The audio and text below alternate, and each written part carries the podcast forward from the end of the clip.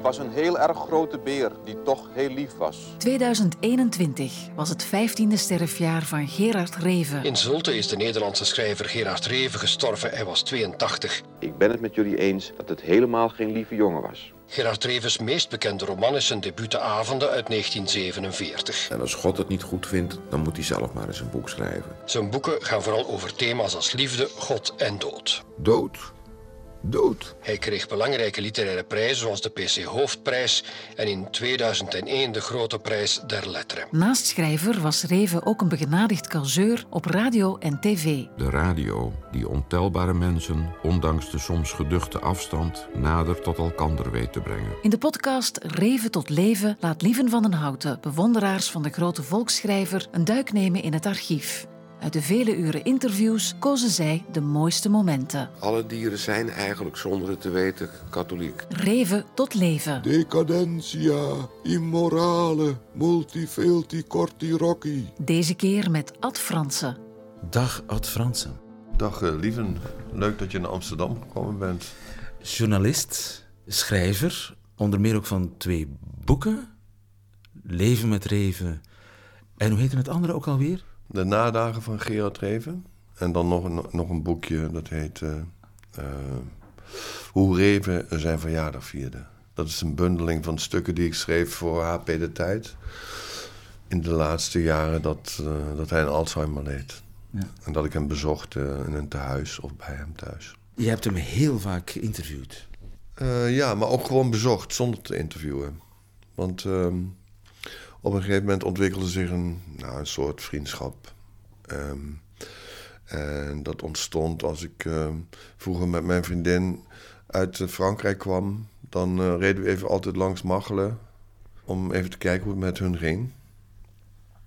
En dronken koffie, lunchen we en dan gingen we weer naar Nederland terug. Dus zijn uh, altijd gastvrij ontvangen. En soms dan meldde Joop zich vanzelf wel eens met uh, een akkefietje dat hij had, uh, met een uitgever of zo. En uh, nou, of ik daar dan een stukje over kon schrijven. Dat was niet altijd zo, maar. Maar op een gegeven moment merkte ik dat Gerard steeds slechter werd, achteruit ging mentaal. En toen dacht ik um, wel al aan een um, langlopende reportage. Dat ik dacht, ik ga daar de komende jaren één keer per maand eens heen. En dan blijf ik ook slapen. En dan kijk hoe het leven is. Uh, van een uh, vriend met zijn... Want het ging dus ook over Joop Schafthuizen... met zijn uh, partner die aan Alzheimer leed. Dus het ging, ging me niet alleen om Gerard, maar ook om hun beiden. Dat vond ik interessant. Hè. En heb je toen dat boek over geschreven, De Nadagen van Gerard Reven. Maar je kende hem al veel langer. Ja, ja, ja. Ik kende hem sinds 1987. Toen verschenen de verzamelde gedichten. En uh, ik vond die gedichten altijd prachtig, maar ook een beetje een soort vreemdkörper hè, in zijn uh, werk. Uh, hoewel hij begonnen is als, als dichter. Ik heb hier nog zijn eerste bundeltje terugkeer. In eigen beheer als, als ja, tiener uitgegeven. Ja, tiener uit, uitgegeven. En uh, toen kwamen die verzamelde gedichten uit bij Van Oorschot. Uh, heb ik hem... Ik dacht dat het heel moeilijk was om, om er even te bereiken. Maar viel mee. Ik had op het Waterwoordplein, dat is een rommelmarkt hier in Amsterdam, had ik een, had ik een, uh, een religieuze prent gevonden. En daar achterop had ik een lange brief geschreven waarover ik hem zou willen interviewen. Nou, die prent vond hij fantastisch en het interview uh, kon doorgaan. Uh, alleen moest ik dan, want dat betaalden andere omroepen ook, moest ik uh, duizend gulden meenemen in een doorzichtig envelopje. Zoals vroeger de arbeiders hun loon kregen. Dus dat, dat, nou, dat deed de VPRO gewoon aan mee. Dus ik met duizend gulden naar Schiedam gegaan. Daar woonde hij toen. Ja. Het was een lang interview. Ja, en al alle tijd. was ook um, heel, heel gastvrij was die. Hij had eigenlijk de hele middag de tijd. Ik, ik durfde daarna mijn bandrecorder niet meer mee te nemen door om door de stad te lopen. Maar dan uh, wou hij een ijsje met me eten. Uh, hij was een beetje aan het flirten. En, en grappen maken. Bij een ijssalon zei hij dan... je mag nemen wat je wil als je maar onder de gulden blijft. Weet je wel, dat soort dingetjes. En hij probeerde het de hele tijd met me.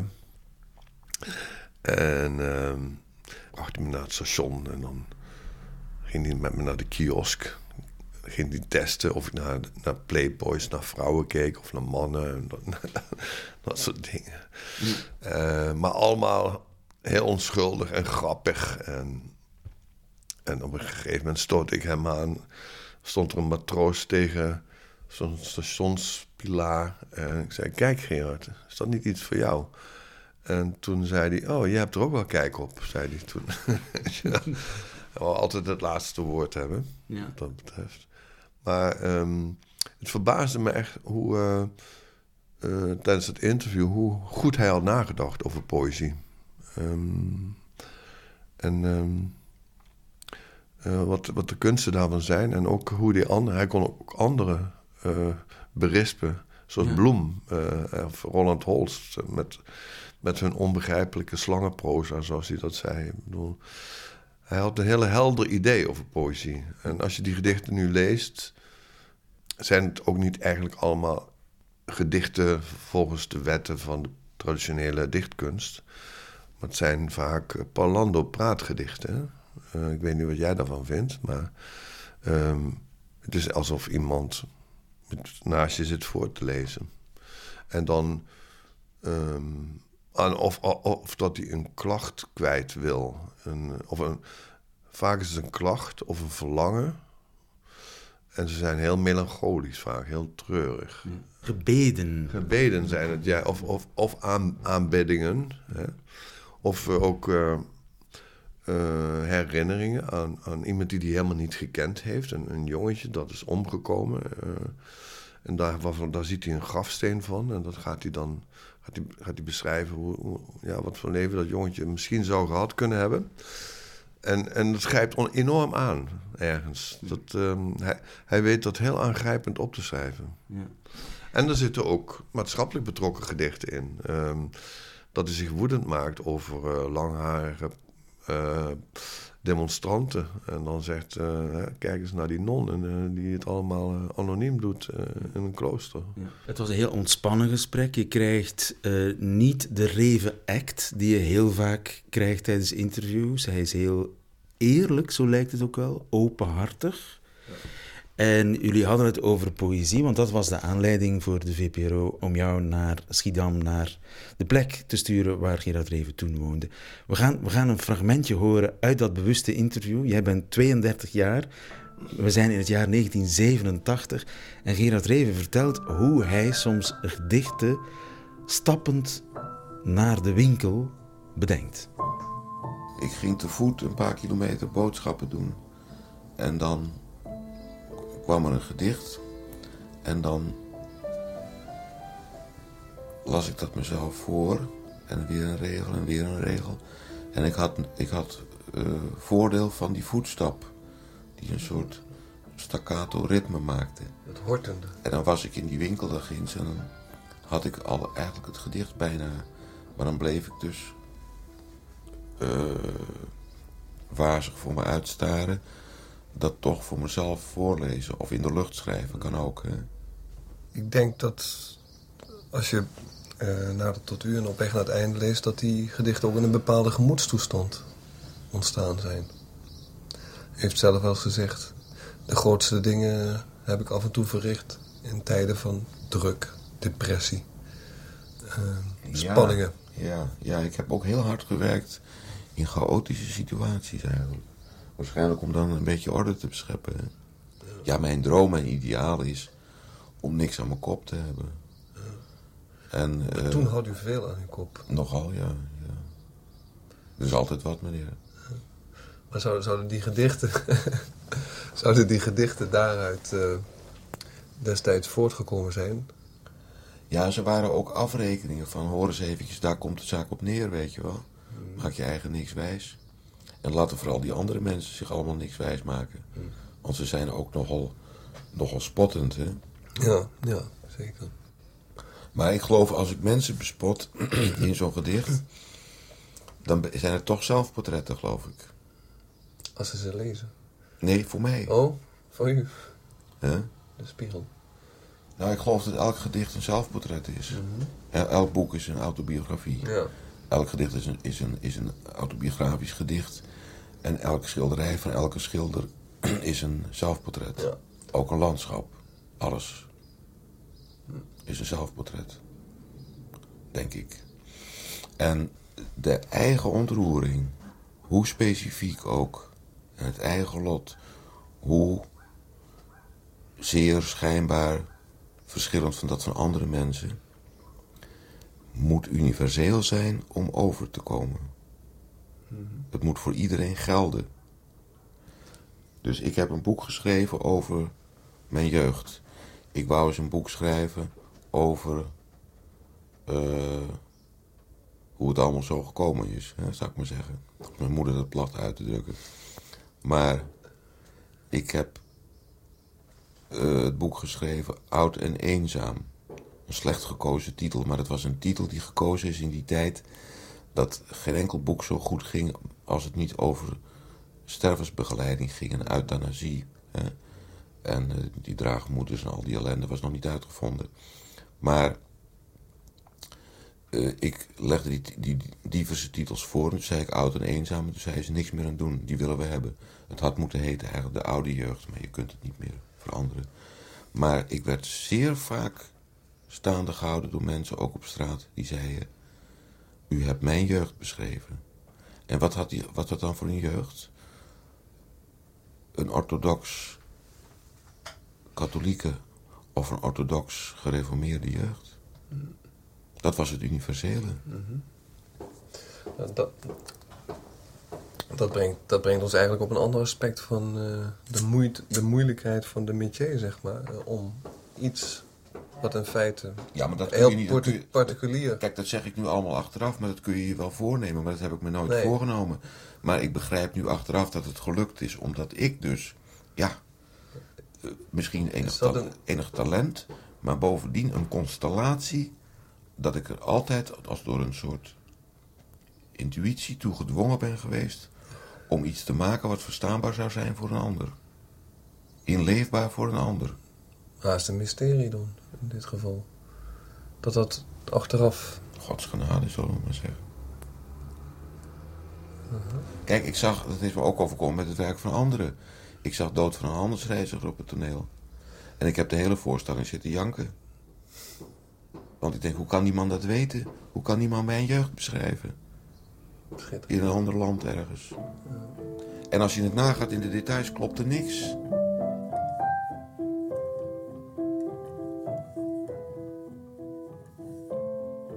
Wat denk je als je dit hoort? Ik denk dat u dat mooi zegt, maar dat u daar niet tot op het laatst niet altijd in geslaagd is. Dat universele te bereiken. Eh, in zijn boeken. Ma- maakt op een gegeven moment toch wel plaats voor het eentonige, zeg maar. Ehm, maar ehm, het klopt wel eh, dat je, als je... Bedoel, ik heb het boek eh, De Avonden gelezen. En het ging helemaal niet over mijn ouders. Maar ik voelde me ook aangesproken. Is het zo dat je Reviaan wordt? Eh, ja, spijtig genoeg wel. Want je doet je, doet dan, je doet je ouders iets tekort. Eh, je, gaat, je gaat je vereenzelvigen met een gezin waar je helemaal niet uitkomt. En je, je denkt, nou moet ik maar eens af en toe even boos worden op mijn ouders. Zoals eh, Frits van Echters in de avonden boos wordt op zijn, op zijn vader of zijn moeder. Ehm, het, zijn, zijn van die bekende boeken. Dat heb ik ook gehad met eh, Reis naar het einde van de nacht van Celine die je een enorme tik geven waar je je levenshouding van verandert.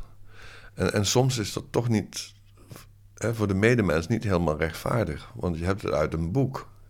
Die, en het is niet helemaal één op één met, valt met jouw leven of jouw levenshouding samen. Maar je gaat je ook, het is ook een, je ontwikkelt ook een habitus door boeken te lezen, vind ik. Door, door ehm, bepaalde opvattingen over te nemen. En zeker in die puberteit ben je daar heel gevoelig voor. Je zegt het is een levensveranderende ervaring geweest. Was het een soort schok? Ehm, ja, oh, het was een schok. En het was bij de avonden. Het was bij de avonden en, ehm, en vlak daarna nog een keer met Werther Nieland. Vond ik, vond ik eigenlijk nog een mooier boek. Dat ging, over, dat ging weer over, meer over weer kinderen die, die buiten speelden en zo. Dat deed ik ook veel. En eh, die ook wel eens een, eh, een klein diertje konden kwellen en dat soort dingen. En, eh, weet je, je zit, je, zit, je zit na je jeugd met de bepaalde problemen dat je denkt... God, ik heb vroeger eens een keer een kikker doodgemaakt. En dan denk je, dat, dat moet me toch heel erg spijten. Dat, dat kan niet. Maar dan lees je in een boek dat iemand anders het ook gedaan heeft.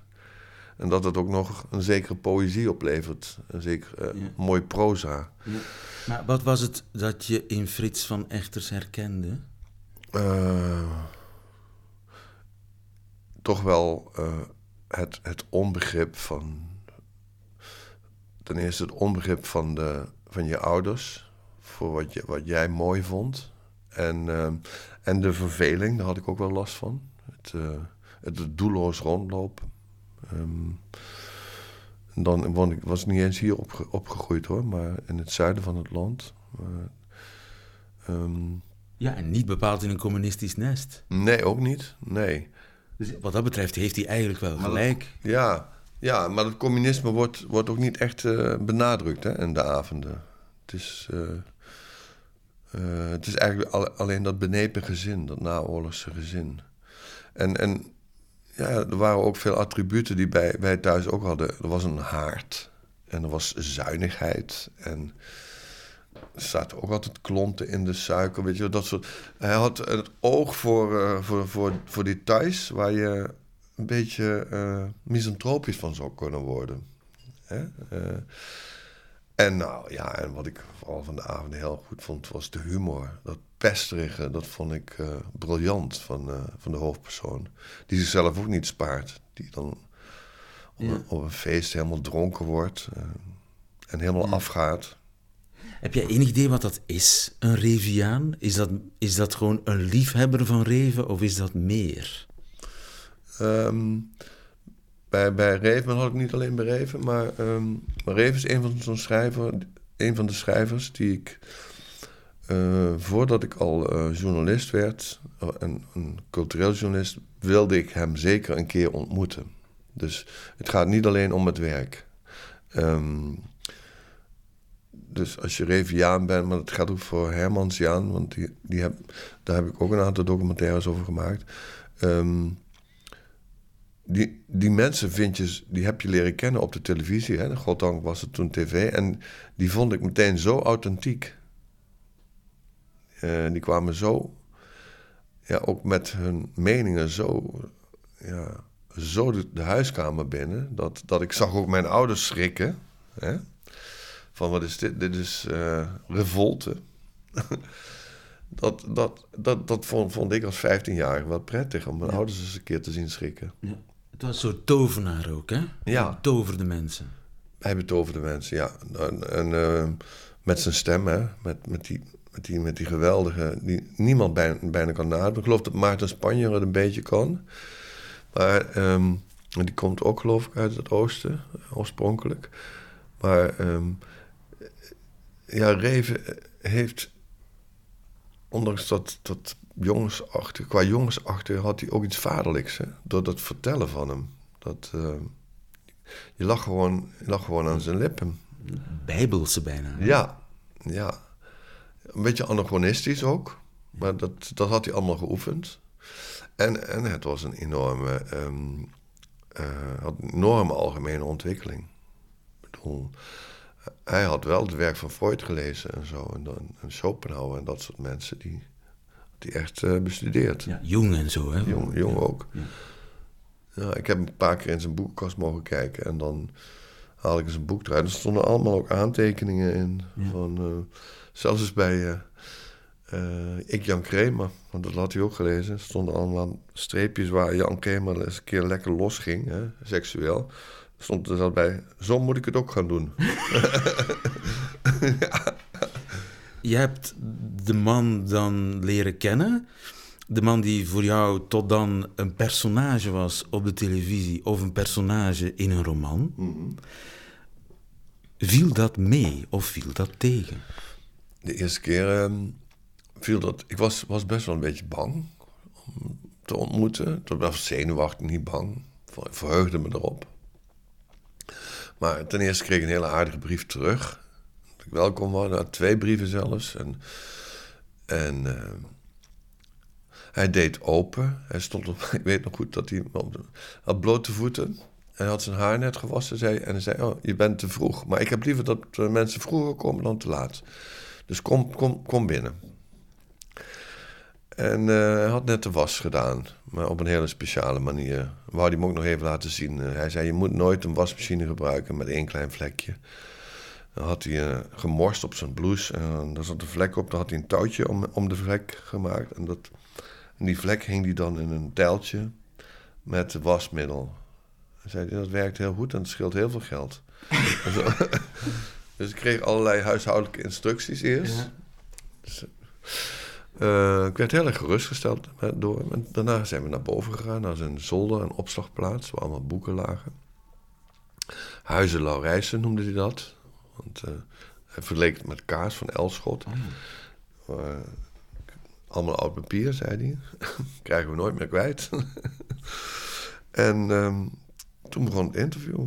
En, maar ja, toen- na, na tien minuten zei hij, heb je dat zakje bij je? maar dat, dat is eigenlijk een leuk ingrediënt voor zo'n gesprek. Eigenlijk. Ja. Eh, en dan zei hij, leg maar neer. En toen legde ik het neer en pakte hij snel, stopte dit in zijn zak. Daar word je niet per se Reviaan van, moet ik je zeggen. Want dan, dan, dat is ook wel... Dat, de laatste jaren van Reven zijn voor mij ook wel ontluisterend geweest. Want kijk, Frits van Echters die neemt het zijn vader kwalijk... dat hij scheten zit te laten en dat soort dingen. Maar dat, dat deed Re- Reven zelf aan de lopende band.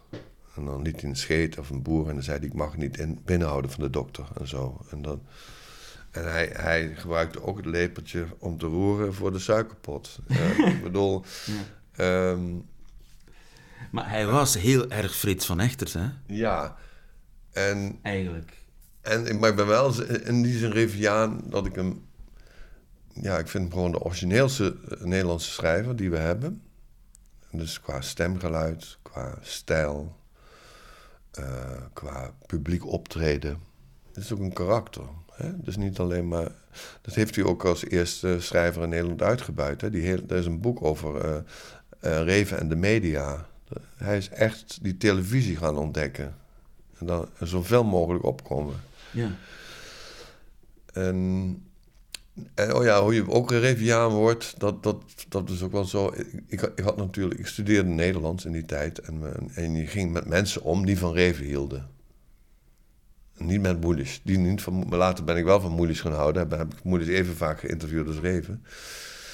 Eh, eh, maar ehm, Het was een kwestie van identiteit bijna. ja, want, want dan begreep je elkaar schappen ook. Ja. Eh, als je sommige dingen... Als je zomaar plomp verloren tegen iemand zei... ze moesten haar een brandende poppenwagen in haar kutwerk rijden... dan, dan zei iemand, nou zeg, wat. Ja.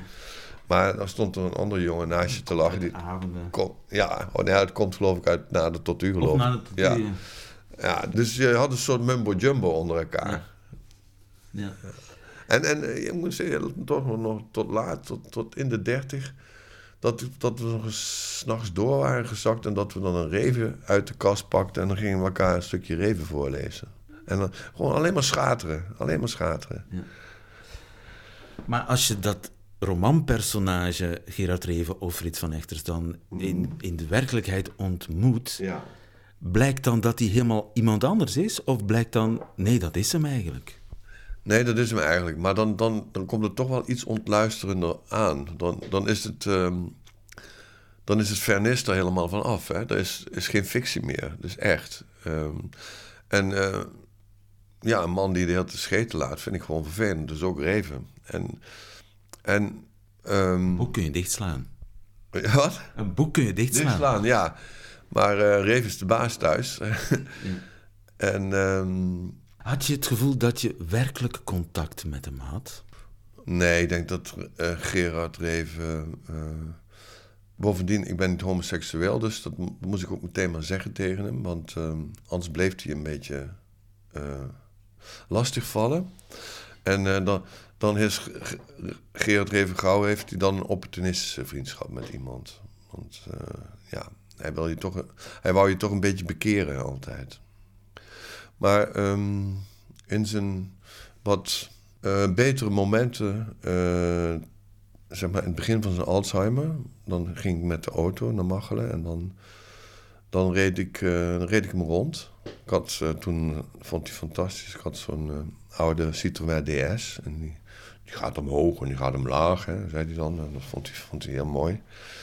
En dan, dan, reed, dan reed hij me rond in dat kale landschap, die stoppelvelden. En overal stond wel een kapelletje of een kruisbeeld of zo. En dan ging hij vertellen. En vond ik net, vond ik net alsof mijn opa aan het rondrijden was. Mm. Was hij heel lief. Ja. Heel zacht. Ja. En dan, anders had, soms had hij weer een fantastische grap. En dan bij de rotonde naar Zulte hangt zo'n heel groot Christusbeeld.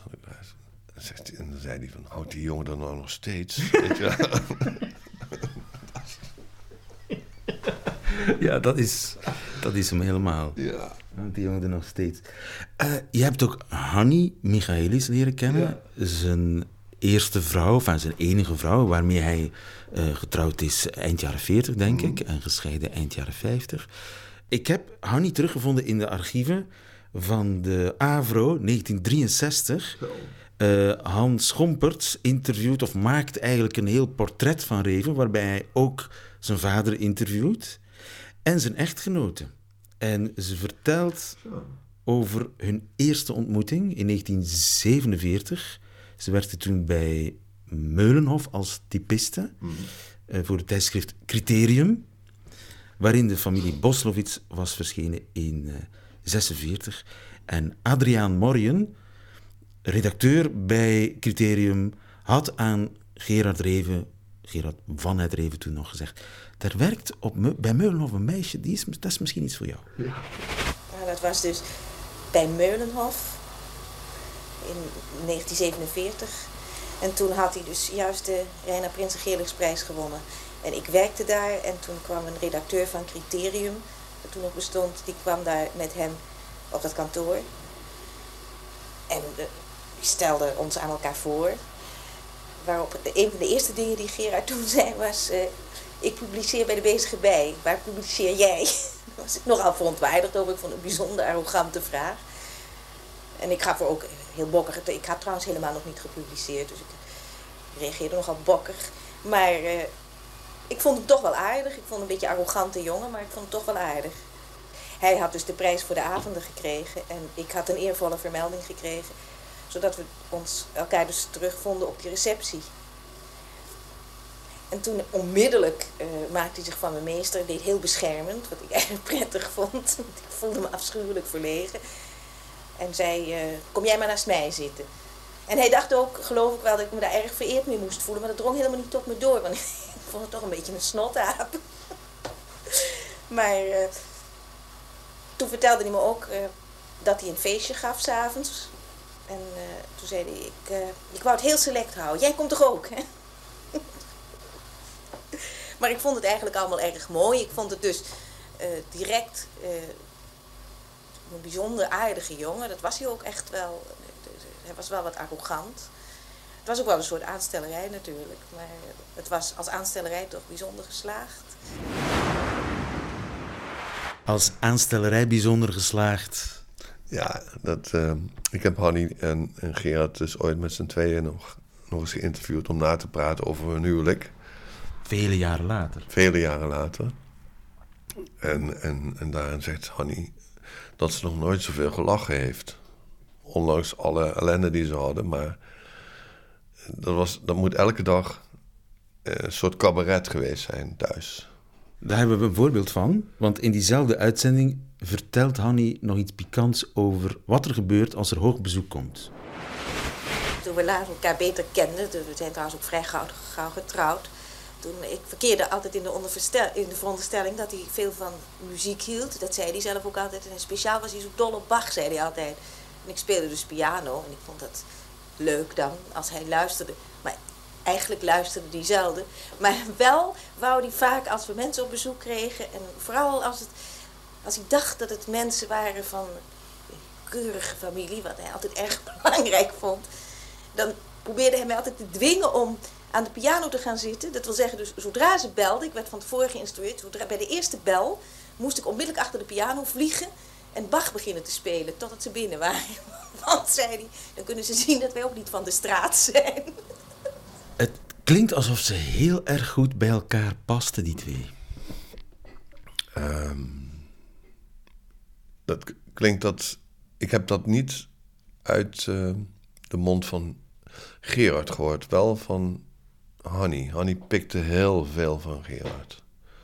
Je bedoelt, accepteerde heel veel. Ja, ja. Maar ehm, ja, aangezien Gerard toch al heel vroeg voelde dat hij eh, op jongens viel. ehm, en ook Hanny dat had voorgesteld van... nou, als jij het dan met jongens doet, mag je bij me blijven, weet je wel. Was het toch een beetje een, een ongelijke verhouding. Eh, zij moest heel veel accepteren van hem. En ehm, hij was daar niet altijd aardig voor terug. Dus nee, ik, ik denk niet. Ik denk wel dat het hele goede vrienden zijn altijd hele goede vrienden gebleven. Ze belden elkaar, eh, nou, ik geloof elke week, als het mocht, van Joop Schafthuis dan, eh, geloof ik. Want die was af en toe ook eens een beetje jaloers. En, ehm, en zij redigeerde ook sommige boeken van Gerard. Ja. En Gerard in zijn drankperiode, want het staat allemaal in die boeken van Nop Maas, eh, leende hij zich helemaal suf van bij Hanny. Hij had helemaal geen cent. Dus eh, die vrouw is eigenlijk, eh Hanny is eigenlijk altijd heel trouw gebleven. Terwijl ik dat niet weet van, van Gerard. Dus dat passen, eh, bij elkaar passen is ook een beetje... Ik zie het van Hanny uit ook ehm, dat ze zich Gerard toe-eigende. Want ze ging, ze ging de strijd aan altijd met, met, met, met alle mannen van, van, van eh, Gerard. Zo van, ja, hij, ja, hij is toch mijn man, weet je.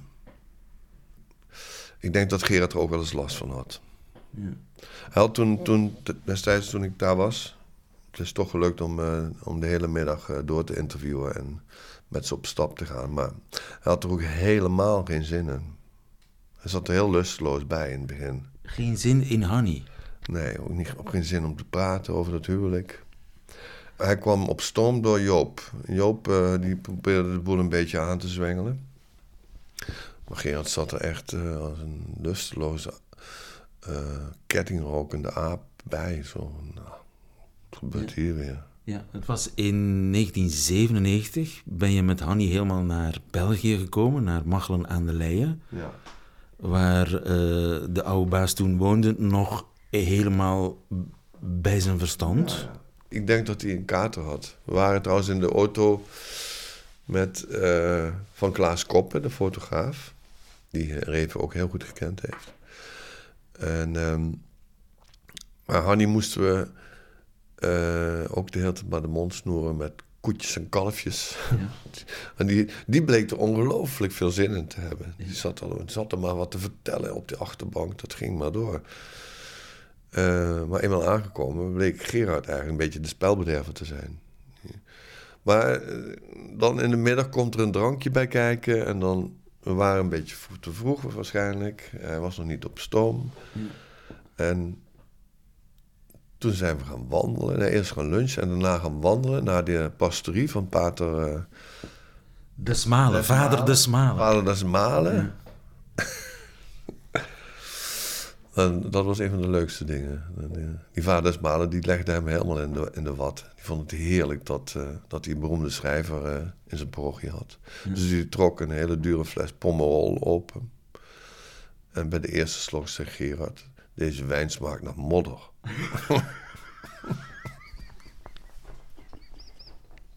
Ja.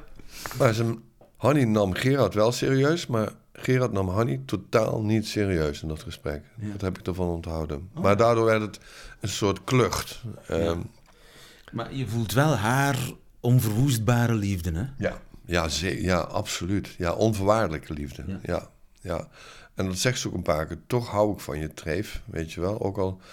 En zij had wel een aantal smerige dingen op die, haar, die eh, hij hem, haar, haar geflikt zou hebben. Maar dan, eh, het kon me niet schelen, zei ze dan. Eh, maar zo, zo was ze als, als jong meisje ook. Toen ze nog verkering met hem had. Het kon er niet schelen. Dat, dit was hem, haar jongen, haar man. Ja. Ze kwam ook heel graag in het gezin reven. Hè? Ja. Want Hanny was alles kwijt. Hè? Ehm, Die was als uh, wees uit oorlog gekomen. Ouders vergast. Ja. Dan, uh, dan riep die moeder van Reven, die ging dan via de achterdeur naar binnen altijd. Uh, dan vroeg die moeder van Reven, wie heb je bij je? Wie dacht je? De Joodse pannenspons. Want Hanny had zo'n Dat vertelt Hanny dan zelf hè, ja. in dat interview. En dan moest ze lachen. Ja. maar de vraag is of Gerard Reven met iemand ooit een echte, evenwichtige, evenwaardige verhouding heeft gehad. Zelfs niet noodzakelijk in de romantiek, maar gewoon een, een vriendschapsverhouding. Ja, weet ik niet of die nou echt... Uh... Want volgens mij gaan zijn boeken daarover, namelijk geen contact kunnen maken. Nee, nee. Ja, wel, en hij heeft wel natuurlijk brievenvriendschappen gehad, hè, met Josine M. en zo. En, uh, maar in de omgang Nee, nee. Hij bleef ook liefst altijd thuis. Het is een heel ongezellige man hoor, want dan ging je met hem eten. En dan zei hij, um, zei tegen Job, maar waarom zitten we, dat hebben we thuis toch ook allemaal? En hier kost het uh, tien keer zoveel. En uh, ik gooi liever voor elke keer dat ik niet naar een café ga, uh, vijf gulden in de pot, zegt hij dan. Gierigheid. Maar, um, nou, een goede vraag vind ik dat. Um, uh, van Oorschot zei altijd dat hij bevriend was met hem. Maar nee, ik denk dat Gerard. Uh, uh, um, uit was op geld en geilheid, denk ik. Dat, en, um, en, die, en dat werd allemaal goed beschermd of, of gedekt door Joop Schafthuis aanvankelijk, denk ik. Die was ook de goede manager voor hem, natuurlijk. Iedereen denkt altijd dat Joop Gerard heeft uitgebuit, maar Joop heeft heel goed voor Gerard gezorgd. Wezen. Hij heeft hem wel uh, vaak weggehouden bij het publiek. Maar uh, Joop zelf uh, was een hele goede kunsthandelaar. En kon zelf wel zijn, zijn bondjes doppen. Maar als hij niet Gerard de hele tijd erop gewezen had van daar moet je geld voor vragen, dan, dan was Gerard helemaal uitgebuit. Gerard was ook te goed, hè, vaak. Maar bevriend met iemand, ik zit even te denken. Ja, ze hadden wel vaak bezoek. Boudewijn Bug was ook geen vriend. Nee, die was eigenlijk hetzelfde als Reven. Die kwam ook alleen maar spulletjes halen. Maar... Nee, dat zal dan, dan wat jij zegt, uh, lieve, aan, aan, zijn karakter gelegen hebben. Dat, dat hij een eenkennige, verlegen, wezen verlegen en uh, misantropische man is geweest, altijd. Frits van Hechters. Ja, ja zeker. Ja. Alleen maar in staat tot een soort schijncontact met mensen. Ja. En voor de rest in, zijn, in, zijn, in de wereld van zijn dromen wonend. Ja, en, en daarom onaflaatbaar kunnen schrijven. Want die, hij heeft nogal wat geschreven. Hè? Dan ook zelfs ochtends in de kater. Al die brieven die, die, die lezen als een roman nog. Hè? Uh, brieven aan Carmichael, brieven aan zijn uitgevers. Dat zijn allemaal nog... Uh, ja, zijn allemaal prachtige werkstukjes. Dus... Maar hij wist wel mensen aan zich uh, te binden. Zelfs publiek. Hè? Ja. hij gaf voorstellingen, hij gaf tv, tv-shows. maar dat denk dat om, omdat hij ook een...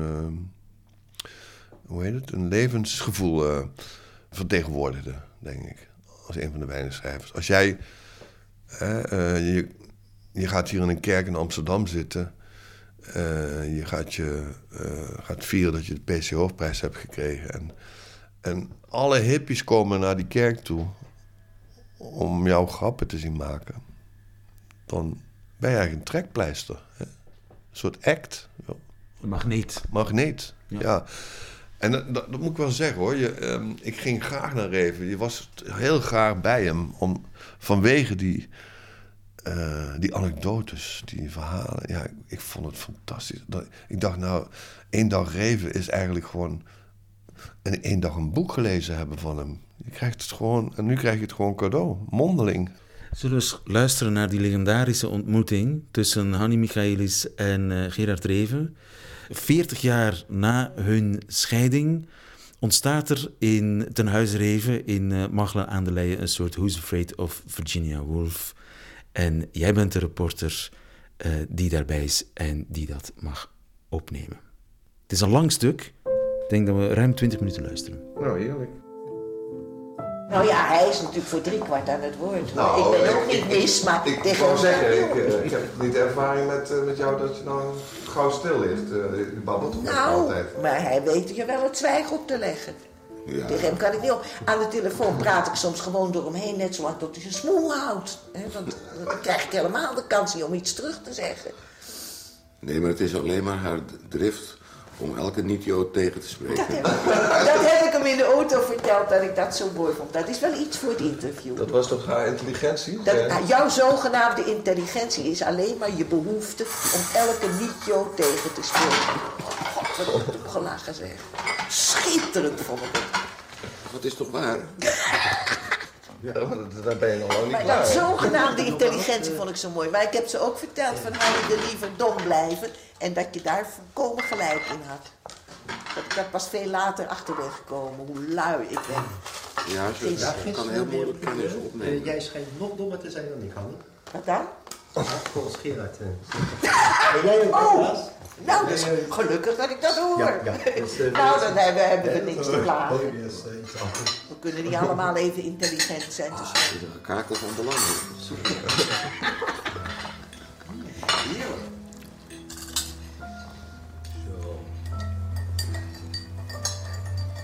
Misschien ook anders dan de appeltaart die Nee, ja. bij ons krijgen. In België zijn de bakkers ook op zondag open. open hè. Je eh, de Zo heerlijkste gebak. als bij ons, ja. Ja. Men heeft overal in België de grot van Lourdes nagebouwd. Er zijn een heleboel. Er is er één in Oostakker, die is heel groot. En dan is er een heel kleine, ja, op speelgoedformaat is er eh, in Zulte. En daar zijn we in een processie, Maria-processie, naartoe gemarcheerd. Van de kerk drie kwartier lopen. En eh, 250 mensen ongeveer. Te voet. En een groot deel op, blote voeten. En drie kwartier lopen. Ik zeg tegen vader Desmalen, ja, wat, wat vindt u ervan? Hij zegt, ja, eh, het kan wel verboden worden, zegt hij, maar dan gaat er niemand meer mee. En de, de dokter heeft gezegd, als die mensen maar op tijd, als er aan die voet wat is, bij de dokter komen voordat die afgezet moet worden.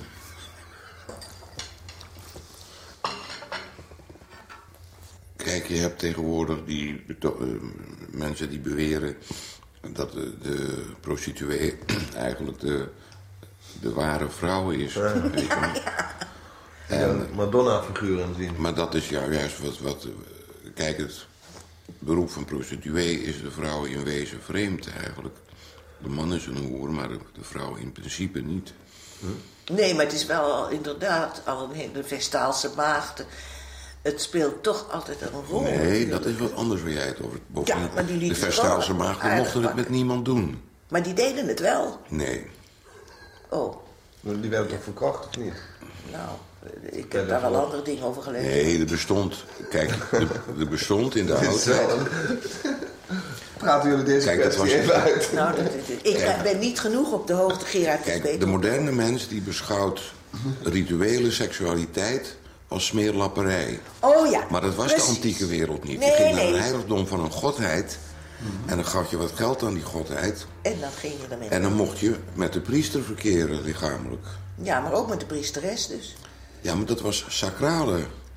Ja, ja, dat is het Seks. bekende onderscheid. Maar ik, Ja, dat is een jij- onderscheid, begrijp je? Je betaalde niet voor een Zwijnerij, vrouw. ode, ode, eh, eh, eh, religiositeit. Nou, je kan met jou nergens over praten. Je begrijpt niks. Nee, als- kijk, als ik een andere mening heb, dan begrijp Kijk, ik seks, niks. seks is een deel nou, van... dan kan ik beter... van de- van de zitten. erotiek. Ja. Dat begint al goed, hè? Ja, Geen seks, geen religie. Nee, maar hij zei, als, als, Nou, dat zei je in de auto al. Dat religie, eh, dat hadden jullie, eh, hebben jullie wel... Nee, religie op zichzelf. inlopende mening over. Zeer. Maar hij had het toen, en dat, nu spreek ik ook van eh, minstens 35 jaar geleden... sommigen doen het uit zwijnerij, maar hij deed het uit religie. En toen zei nee, Nee, was- het, de, de onderscheid was het seks, religieuze seks en eh, seks als zwijnerij. En waarop ik onmiddellijk zei, bij jou is het zwijnerij. Nee. maar dat was gewoon een Nee, hoor. dat is een Duits handboek uit 1890 of zo. Ja. En dat, dat ging over psychopathie en dergelijke. En dat was nog in de tijd dat men naar de kop keek, hoe die in elkaar zat, weet je wel. Oh ja. Die kop liet zien wie het was. Van Mobius is dat boek. Lavater is de eerste Nou, geweest. de en daar werd dus ook werd er een oordeel geveld over de se- homoseksualiteit. En dat was bedreven, de homoseksualiteit, als religion oder als Schweinerei. Maar in beide gevallen was het een, een Unfug von Niederrassen eingeführt. Oh, dat herinner ik me niet meer. Ja. Dat zou je natuurlijk ook hebben geciteerd. Maar je had ook die... Maar dat oud- geheugen heeft u toch? Ontzettend. Daar ben ik zo jaloers op. Altijd geweest. En hij klaagt nu dat Ja, kijk, ik weet het huisnummer niet meer, maar dat was in 19, 1931 of 1930. En in een portiek, terwijl het regende, stonden twee vrouwen te praten. En dat is ploegstad 109 of 111, dat weet ik niet zeker. En die ene vrouw zei tegen die andere... Veel Veel- groente en weinig aardappelen, dat eet voor een man niet zo lekker. Dat heb ik ook nooit vergeten. Dat citeerde niet tegen mij toen we aan tafel dat, zaten. dat, dat, eh, dat, dat, dat, dat heb jij voor het eerst gehoord, of niet? Ja, Nee, ik denk, dat ja. heeft hij tegen mij Voor deze gezegd. beroemde zin. En dat is ook al 40 jaar geleden hoor. En dat heb ik natuurlijk nooit vergeten. Dat Nee. vond ik zo schitterend. En ook, ik, dat was nou echt iets wat, wat je heel makkelijk gelooft. En wat ook zeker gebeurd is. Dus, dus de kookkunst heb je dan maar aangepast aan die regel? Nee, hij kookte.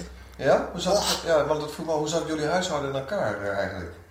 Nou, ik werkte de hele dag en Gerard kookte. En om nou met het beste te beginnen, hij kon eh, ontzettend goed vis bakken. Wat ik helemaal niet kon en hij kon het verrukkelijk. Elke dag gebakken vis. Nou, niet elke dag. Was goedkoop. Nee, elke dag tussen de middag. Nee, elke dag Maar tussen goed, de hè? Goed eten. Elke dag tussen de middag. Ja, en die vis die werd dan gebakken. Toen woonden we nog op Ja, de maar zij, galerij. waar houdt nu... van lekker eten, je moet eten. Hou nou even je mond, want nu ben ik aan het woord. Deze getuige is niet te spijt. Hij Maar dat is om de beurt dan. Jij maakt die verhalen. Hij dan- bakte die vis bakte die op het dak van de galerij, wat levensgevaarlijk was, want dat was een houten dak. Dat, de galerij is dat eh, gebouw Waar de eh, van de, eh, gekomen. van de, waar nu de Nederlandse bank Ja. staat en waar toen het paleis van Volks, al is niet meer afgebrand. stond. Ja. alleen de galerij stond. En wij woonden toen in die galerij. Ja. Mhm. En Gerard bakte die vis op een primus bovenop het dak. Waar, dus dat was met een laagje vergaan asfaltpapier bedekt. Dus ik stond wel doodsangsten uit. Maar die vis die was ongelooflijk lekker. Maar wat hij ook altijd deed, tussen de middag at hij iedere dag, want hij was stereotyp in alles, een gebakken bokking. En in het begin vond ik dat ook heerlijk. Later kon ik ze niet meer zien, die gebakken bokkingen. Want ik moest iedere middag als ik thuis kwam uit kantoor een gebakken bokking op het brood eten. En ze waren lekker gebakken. Nou, elke dag hetzelfde eten. Dat is het, bij het- Iedere dag hetzelfde. Maar hij kookte dus. Maar het gaat dat niet vervelen dan? Ik bedoel... Nee, waarom zou dat gaan vervelen? Ja, nou, mij ging het onmiddellijk vervelen. Maar dat is iets van mij. Mij gaat gauw eten vervelen en ook andere dingen vervelen mij gauw. Dus wel goed koken, maar niet gevarieerd. Nee, hij kookte. Nee, de, nee, goed koken. Hij kon goed vis bakken. De rest was walgelijk. Hij op zijn manier. eh, voor, bedacht hij allerlei recepten. Ja, maar wat ik vrat, kon jij toch ook eten? Ik bleef toch ook in leven? Hij, ah, nou ja, dat heb ik alles verteld. Spinazie werd me voorgezet. Hè? Met de zaadjes erin, want hij was te lui om die zaadjes eruit. Dat zijn van die stekelbolletjes. Hè? Dat kon ik dus niet door mijn keel krijgen. Ga je toch slikken? Ik vergeet het nooit dat we tegenover een vulkaan hadden we zo'n pan spinazie gekookt. En ik zei, ik kan dat niet eten met die stekels erin, hè. Toen zegt hij, die volle eens, het hoofd schuddend, Mima, als je wist hoe ver jij van de natuur staat. Waarop ik meteen zei, hé, dat moet jij zeggen. Dat vond hij natuurlijk wel prachtig, hoor. En bruine bonen met geraspte kaas was ook nou niet bepaald dat je zegt heerlijk. Nou. Dat is Mexicaans hè, eigenlijk. Ja. Ja, ja, nou ja, een luxe vrouwtje heb ik getrouwd. Dat vertelde hij voelen ook overal. Terwijl ik het geld verdiende, ik werkte met de pletter. En, in het weekend moest ik het huis schoonmaken en dat was geen kleinigheid. Nee, maar ik heb ook wel zelf met tijd en wijle gewerkt. eh, Baantjes en eh, op, de, op een bank een beetje gewerkt en al dat soort dingen. Later pas. Oh, jij hebt bij Jochemstaal En gewerkt. ik heb was bij toch Jochemstaal gewerkt, ja. Het was toch wel een tijd waar de touwtjes echt aan elkaar geknoopt moesten worden. Ja, we waren arm, ja. Nou ja, hij Maar. Gerard? Ik, eh, twintig jaar armoede geleden. Ja. Kijk, ik, ik kwam met de avonden en de avonden, dat was een wereldberoemd boek. En Nederland scheidde zich in twee partijen voor en tegen dat boek. Maar de hele twee oplagen bij elkaar, eerst en tweede, waren 4000 exemplaren. Toen was het feest afgelopen. En ik was twintig jaar schrijver en ik had twintig jaar gepu- gepubliceerd voordat ik het eerst, voor het eerst geld ving. Ja, toen waren wij al uit Het was het merkwaardige succes van Op weg naar het einde en nader tot u. Ja. Eh, die helemaal in een tijdschrift verschenen. Helemaal, maar er werd, alleen maar werd het vermeld. Er staat dit en dat in en dat staat erin. Verder zonder enig oordeel. En toen stond heel Nederland over op zijn kop. Het was de verdienste van Van Oorschot dat hij het uitgaf. Want ik denk niet dat een andere uitgeverij het bereid was uit te geven. Nee, Wegens de stoutmoedigheid. Nou, niks uit stoutmoedig. Nee, maar toen wel. Ja. Maar we waren inderdaad in het begin heel arm. Ik werkte, kreeg een beroerd salaris Waar werkte je toen? bij het Nieuw Israëlitisch Weekblad. Oh ja, anyway, ja. Mhm. En eh, het enige voordeel van die baan was dat je veel vrije dagen had. Alle Joodse feestdagen waar, was je vrij. En dat waren er nogal wat. Dus dat was wel een voordeel. Maar we hadden inderdaad geen cent te maken. En inderdaad, dat, dat, dat, was, dat heb ik altijd heel bijzonder van je gevonden. Maar dat weet je wel. Dat toen ik een uitkering kreeg van de Nederlandse regering... en dat was niet veel, dat was 2000 gulden. Dat was toen een astronomisch bedrag. En dat jij meteen zei... en nu gaan we een piano kopen voor jou. En dat ik tegenstribbelde. Ja, dat weet je misschien niet meer, maar dat weet ik nog bliksemsgoed. En dat ik het aan jou te danken... want ik vond dat eigenlijk schandelijk. Want ik dacht, nou, zo goed speel ik niet. Maar je, en jij zei, ja, als we het nu niet doen, dan komt het er niet meer van. Ik ken, ken mijn eigen goedheid niet. Ik ken Nee, die ken je ook niet vind ik, in een heleboel opzichten. Want ik weet nog wel veel meer goede dingen. Dat zijn weinig mannen die dat eh, zomaar doen dan. ik. Nou zeg, terwijl we zo arm waren en het geld goed konden gebruiken... dat ik dat het eerste zei. En Nee, toen zijn we ik heb veel nog opgegaan... niet te danken omdat ze me altijd aangemoedigd heeft met het schrijven. En later ook. En ik stuurde haar hoofdstukken van, eh, Van de hoe heet dat prachtig boek? Zondagmorgen zonder zorgen? Nee, de Ah, bezorgde ouders. Bezorgde ouders. Oh, dat vind ik nog ja, altijd Nee, maar een dat was nog één klein boekje wat er... Maar jij Oh, zei van bezorgde ouders, toen je een paar hoofdstukken gelezen had... eh, eh, dit boek moet je nooit laten liggen. Dit moet je absoluut afmaken, want dit is je grote boek. Nou ja, ik heb hem niet in de weg gestaan in zoverre dat ik dus ook... eh, ik weet nog dat je moeder tegen mij wel eens zei... maar kind, hij moet ook gaan werken. Hè? En dat ik zei, maar hij werkt toch? Alleen, hij verdient er niks mee, maar hij werkt wel. Dus dat vond ik niet. Maar eh, dat ik nou zo gestimuleerd... Ik heb ook vreselijk aan je kop gezeurd, hoor. Nou. Grote god. Nou, dat Gerard eens vertellen. Ja, dat weet nou, ik wel daar te denk ik niks van hoor. En wie aan Hannie komt, die komt aan mij. Ja. Ja, hij is altijd hij is, is mooi Ja, loyaal. jullie zijn altijd wel eh Ik ben solidair ook- gebleven, hè? Ja, ja, dat wel, dat kan je wel zeggen. Ja, maar dat is ook, daar is ook reden voor. Kijk, als hij een grote rotzak was geweest, veel, eh, echt, eh, eh, kijk, hij pestte en sarde, maar dat, dat, dat kon mij niet veel schelen. Ik dacht altijd, nou ja, het was nooit echt kwaadaardig. Wat jij zei was nooit echt, wat ik zei was kwaadaardig, maar ik was het ook meteen weer vergeten. Eh, Ik meende het niet. Beschouwt geen slechts in jou. Nou, echt slecht karakter heb ik niet, maar ik kon zuur. Een beetje, een beetje eh, op- opvliegen? op- opvliegend karakter, Nou. maar er is geen boosheid in jou. Ik was nooit... Weet je nog, weet je nog dat ik eens een keer jou een blauw oog geslagen heb, maar dat was per ongeluk. Nou komen ze. Dat was het mooie verhaal. Hij stond eieren te bakken en Jan. Het is een waar, jongen.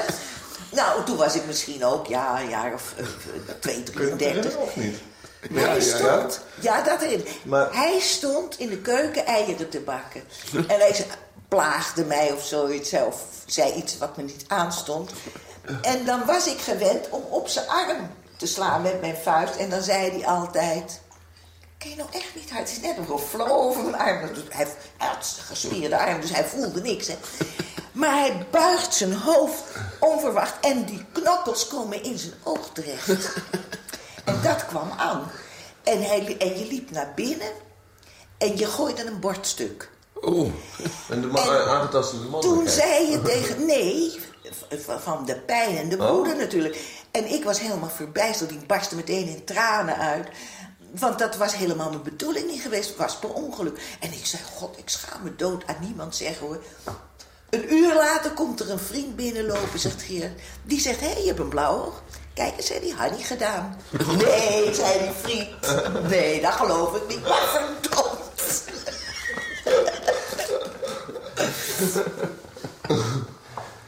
Nee, maar ze was wel flink. Nee, nee, dat was echt per ongeluk. Nee, dat zijn gewoon dingen. Nee. Nee, jij hebt mij ook nooit eh, Dat, dat het oog was ik vergeten en dat andere ook van dat geld van die piano. Ja. Ik vergeet altijd goede dingen die ik gedaan heb. Maar ik heb wel eens goede dingen gedaan in mijn leven. Jawel, heel veel. Niet door, door verdiensten, maar door genade. Maar ja, kijk, ze had een, tenslotte had ze een kat in de zak. Ze was, had beter naar Israël kunnen gaan. Ja, nou met een brave Jood trouwen. Die me waarschijnlijk ook niet trouw zou zijn geweest hoor. Want dat komt niet zo vaak voor. Dat in huwelijken geen ontrouw wordt gepleegd. Nee, maar... maar eh, Mullenhoff, weet je nog wie dat geweest is? wie? Adriaan Morien. Die had tegen jou gezegd, jij was toen een beroemd man. Het was vlak nadat de avonden uit waren. En die had tegen jou gezegd, je moet eens mee... Want Morien was redacteur van Criterium dat bij Meulenhof werd uitgegeven. En ik werkte toen bij Meulenhof, heb maar kort gewerkt. Maar daar zat ik, daar was ik typiste voor het Criterium, meer was het niet. Maar Morien die zei, je moet eens meegaan naar Meulenhof, daar zit een aardig meisje voor jou. Oh. En zo hebben we elkaar voor het eerst leren kennen. En jij was heel, heel zelfbewust. Van, ik vond jou meteen een aardig gezicht hebben. Ja, heb Die ogen aardig, een aardig leuk En- gezicht. en- En, en- hij zei meteen... Ik publiceer bij de bezige bij. Dat wist natuurlijk iedereen. Waar publiceer jij? Ik had nog helemaal niks gepubliceerd. Hmm. Hè. Ik zei maar wat.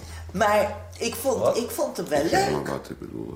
eh, En hij vond mij, hij, zag, hij kwam binnen en zei hij later, daar zie ik me naar een panspons, want mijn haar, dat was natuurlijk veel dikker nog dan nu. En dat stond wijd uit en hij zag, dat- en dat was, mijn moeder zei al, ge- zeegrashaar, dus dat was niet slecht bekeken. Maar ja, zo zijn we, en toen kreeg hij die prijs.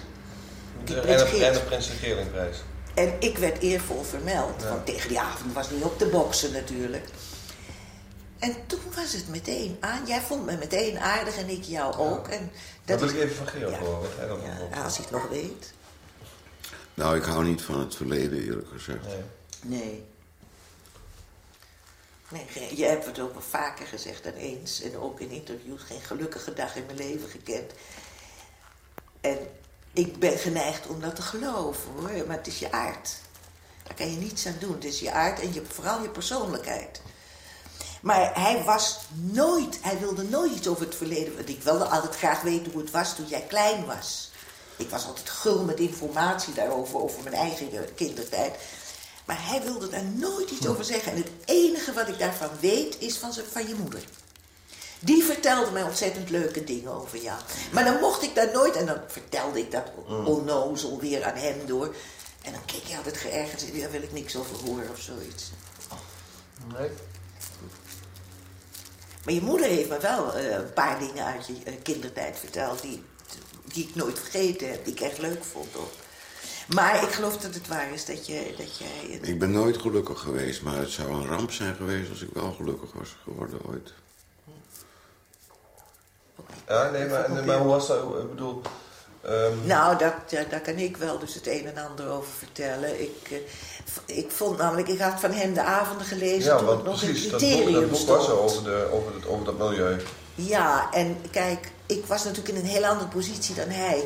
Ik had mijn ouders verloren toen ik twintig was. En ik, 19 was ik al ondergedoken.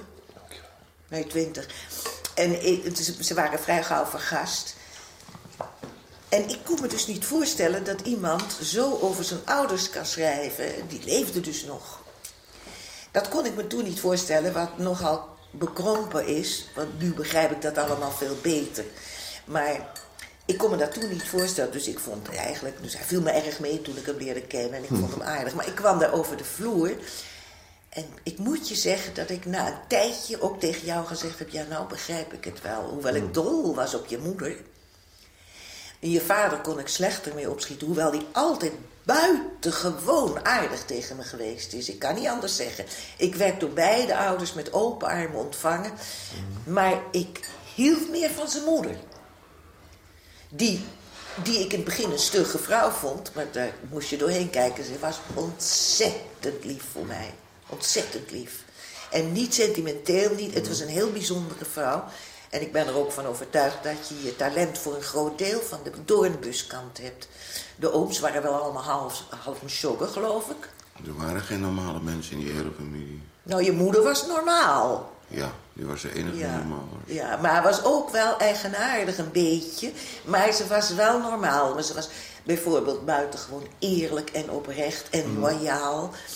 Maar ook, ja, ze uitte zich moeilijk. Maar dat, dat merkte ik al gauw dat dat geen punt was. Want ik Zij merkte, was het, eh, ze was heel erg op mij gesteld. Het introverte gevoelstype in de indeling van jong.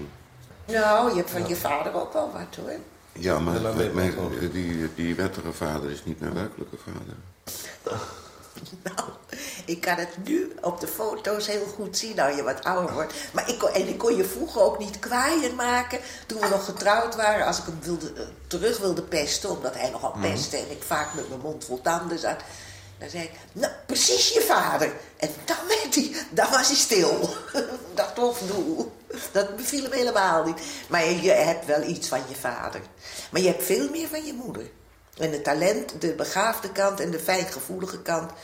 die nog alles in twijfel wordt getrokken... kennelijk door mensen die toch niet goed in je werk zijn doorgedrongen... die heb je zeker van je moeder. Ik ben tragisch, denk ik. Hè? Kennen jullie elkaar al op school? Dat was ook heel mooi. Dat is ook weer een mooi verhaal. Toen ik Gerard leerde kennen, echt leerde kennen bij de Prins Geerligsprijs... toen we dus meer, meer dan één woord wisselden. En ook direct daarna, eh, toen zei ik... Ja, van het Reven. Ja, ik ken wel Karel, want die zat twee klassen hoger. Je keek als meisje nooit naar jongens die lager. Maar hij is een jaar jonger dan ik. Wat voor hem ook altijd aanleiding was om overal te verkondigen. Ik heb een oudere vrouw getrouwd. Terwijl ik er dus vroeger heel jong, veel jonger uitzag. En niemand dat zag. Hè.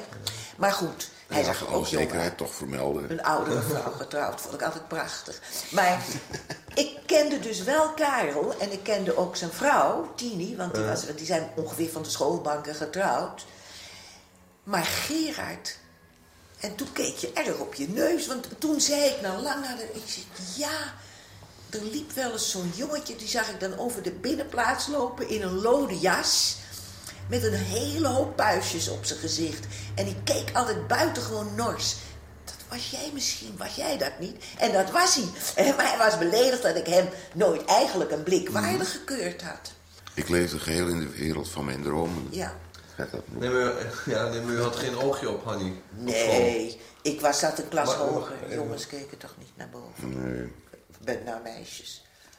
Nee hoor, hij kende mij ook net zo min als ik hem kende. Maar ik wist me Ja, tenslotte was toch nog iets te maar dat herinneren. bestond toen nog niet, weet je wel. Maar eh, ik had ook nooit het gevoel. En kijk, ja, dat sprookje dat er seksueel eh, misschien niet. eh, dat, dat was onzin. Want daar was niets op aan te merken. Maar hij was nog niet een ro- romantisch minnaar, dat kan je niet zeggen. Maar dat er van seksuele eh, onthouding was geen sprake. Dus ik dacht, nou, dat hoort zo. Kijk, toen ik. Ik was dus groen als raas. Ik mocht hem buitengewoon graag. En ik bewonderde hem ook zeer. Hij luistert niet meer.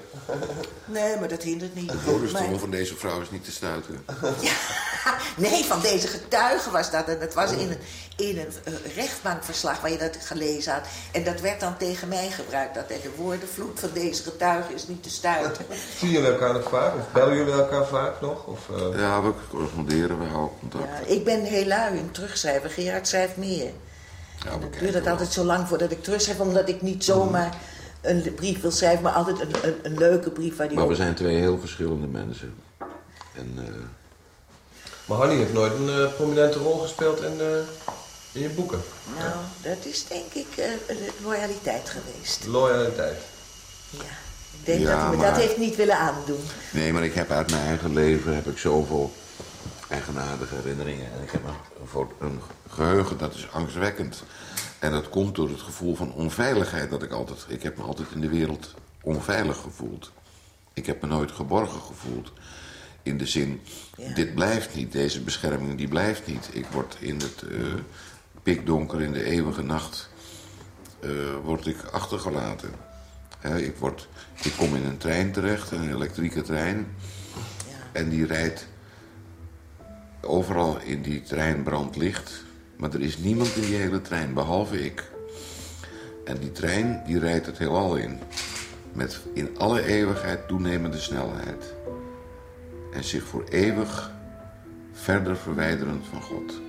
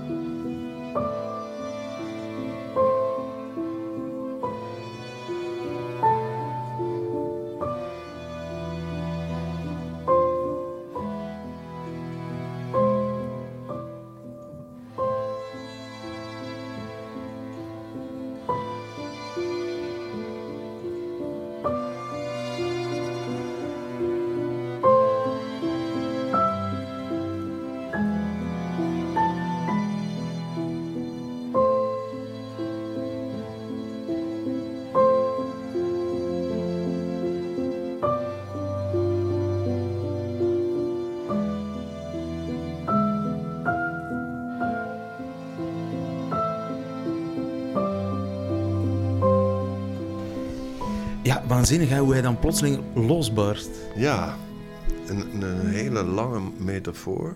En ook ehm, die je naar de keel grijpt. Hè? Je, wordt, je wordt zelf mee de, dat donkere heelal in, eh, ingetrokken.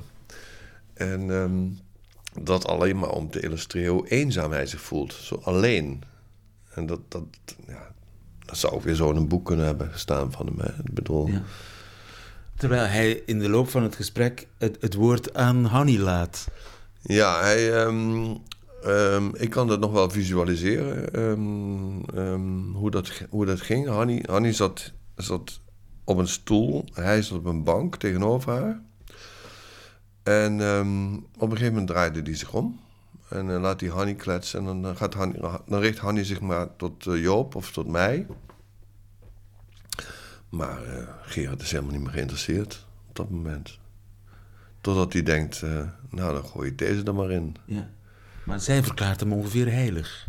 Ja, echt een voetstuk. Ja, ja, ja, ja, ja. Zij is de onderdanige, vind ik wel, in dit eh, verhaal. En ik, kom, ik, denk dat het terecht komt doordat zij denkt... zo'n leuke man zal ik nooit meer ontmoeten.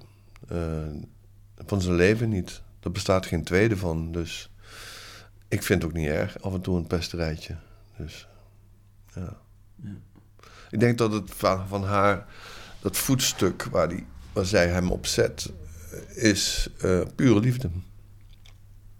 Is niet eh, opportunisme of zo. Nee, dat komt, komt echt uit haar hart. Maar ze praat alles goed. Ze praat alles goed. Ook, eh, ik weet dat het in dit interview ook nog over vakanties gaat en wat, wat dingen die ze mee moesten nemen en eet, moesten eten. Elke dag een blikje sardientjes en zo, en weet ik veel. En, nou, geen pleepapier was te duur. Eh, ze praat alles, alles goed. Mis je hem? Ehm, laat ik zeggen, ik mis een schrijver als Reven in deze tijd. Ik mis Reven. Ik bedoel, mijn vader is ook gestorven op, rond die leeftijd. Ik vind het normaal, dat iemand op een gegeven moment doodgaat. En dan is hij weg. En dan vind ik het moeilijk om te zeggen dat ik hem zou missen. Maar ehm, ik, zie, ik zie geen plaatsvervanger voor zo'n ehm, zo'n talent en zo'n originele figuur. En iemand die ook nog eens af en toe zijn mond open deed tegen dingen en eh, iets incorrects durfde te zeggen. Het is allemaal zo braaf tegenwoordig. Maar dat zie je wel bij meer eh, figuren in Nederland. Ik bedoel, we hebben ook geen Theo van Gogh meer. We hebben geen Isra Meijer meer. Uh, daar gaat waarschijnlijk een paar generaties overheen. Um, en daar moeten we maar vrede mee hebben. Ja, en laat uh, uh, voor zover hij uh, vrede mee kan hebben, Reven, want hij is er niet meer. Laat hij dan vrede hebben dat, dat, dat jij, Lieve en ik Reven nog eens af en toe lezen. Ja. Of, of aandacht gaan geven. Je, je blijft hem lezen? Tuurlijk, ik heb nog bijna al zijn boeken. En, ehm, en wanneer lees je die? Um, ik had vroeger de neiging om met, rond, rond de kerstmis de avonden te lezen, maar dat heb ik nou zo vaak gedaan, dat doe ik niet meer. Hmm. Maar um, zo, ik schrijf zelf ook. En uh, soms. Um, ik schrijf een boek over mijn jeugd. En toen dacht ik, laat ik toch eens uh, Werther Nieland. Of de ondergang van de, en de ondergang van de familie Boslowitz lezen. En, en het boek Herfstdraden. Het gaat ook over een, een jongetje van die leeftijd. Waar, om eens te kijken hoe de leermeester het aanpakt. Weet je wel. Dus dan gaat het meer om sferen. Hoe je dat, hoe je dat doet. Maar De- toch ook de troost van, van iemand waarvan je denkt, die ken ik. Ja, zeker, zeker. Ja, ja. Ook. ehm, ehm, nou, hij heeft, mij, hij heeft mij geleerd, of zijn boeken hebben mij geleerd. eh, met mijn melancholische natuur om te gaan. Het, het, het werkt als een soort Prozac, zeg maar. Eh, het stelt je gerust dat je niet de enige bent in het universum met eh, zulke klachten. Je zit niet alleen op de trein naar het heelal. Precies dat, ja. Daarom, daarom voelt die eh beeldspraak ook zo aantrekkelijk, hè. Ehm, je, zi- je zit in die trein met hem, ja. Ik wens je nog heel veel eh, leesgenot. Dankjewel, Oud Fransen, voor deze verhelderende Reven tot Leven podcast. Met dank aan eh, alle omroepen die zo gul waren met hun archief, VPRO, AVRO. En er zijn nog tien andere afleveringen van deze podcast.